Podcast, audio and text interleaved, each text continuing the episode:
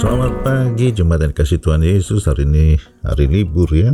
Selamat beristirahat di rumah atau mau tamasya mungkin. Firman Tuhan katakan di Mazmur 41 ayat 2 Berbahagialah orang yang memperhatikan orang lemah. Tuhan akan meluputkan dia pada waktu celaka.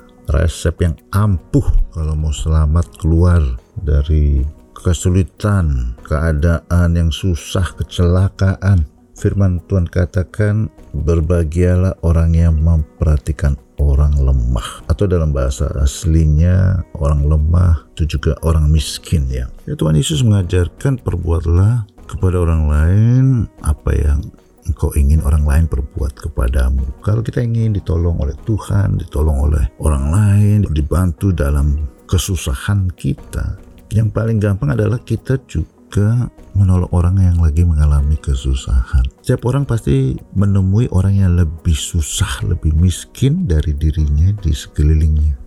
Waduh pak, saya orangnya paling susah pak. Gak mungkin. Pasti ada aja orang yang lebih susah dari kita, lebih miskin dari kita, lebih membutuhkan dari kita di sekeliling kita. Sepertinya Tuhan sengaja dengan atur dan ingin melihat bagaimana sikap kita kepada mereka. Ya, kalau kita kasar, kita tidak peduli, kita menutup telinga kita kepada orang yang lebih susah daripada kita, kita menemui ternyata waktu kita mengalami kesusahan kita juga sulit mengalami pertolongan. Sebab itu hari-hari ini kalau ada orang yang lebih lemah daripada kita, lebih susah daripada kita, kita ulurkan tangan dan apa yang kita bisa.